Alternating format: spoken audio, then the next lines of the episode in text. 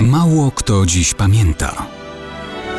Datownik historyczny prezentuje Maciej Korkuć.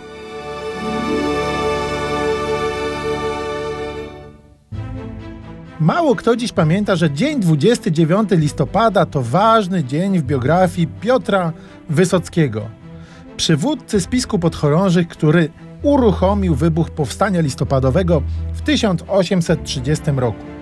O tym dniu, zwanym Nocą Listopadową, opiewanym w literaturze, zapewne niektórzy pamiętają, ale mniej osób pamięta o innym 29 listopada w życiu Piotra Wysockiego. Otóż dwa lata później, w drugą rocznicę wybuchu powstania, Piotr Wysocki usłyszał od rosyjskiego sądu dwukrotny wyrok śmierci przez powieszenie. To był prawdziwy wymiar żołnierskiego żywota człowieka, który postawił wszystko na szali miłości ojczyzny. W powstaniu i w wojnie z Rosją walczył dzielnie pod Wawrem, Grochowem, Dobrem i Okuniewem. Uczestniczył w wyprawie na Wołyń. Został pułkownikiem. W obronie Warszawy bronił woli i tam trafił w rosyjskie łapy. Wyroki śmierci car zamienił na 20 lat ciężkich robót na Sybirze. Za próbę ucieczki otrzymał tysiąc batów.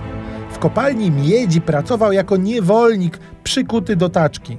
Przetrwał wszystko.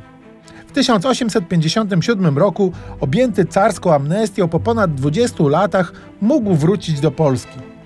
On ducha nie stracił. Polacy o nim nie zapomnieli.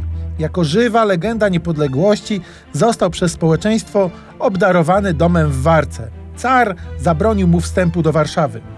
Kiedy zmarł w 1875 roku, jego pogrzeb był wielką manifestacją patriotyzmu Polaków, bo tysiące ludzi pamiętało o Wysockim, któremu nie bez przyczyny na grobie wykuto proste słowa: Wszystko dla ojczyzny, nic dla mnie.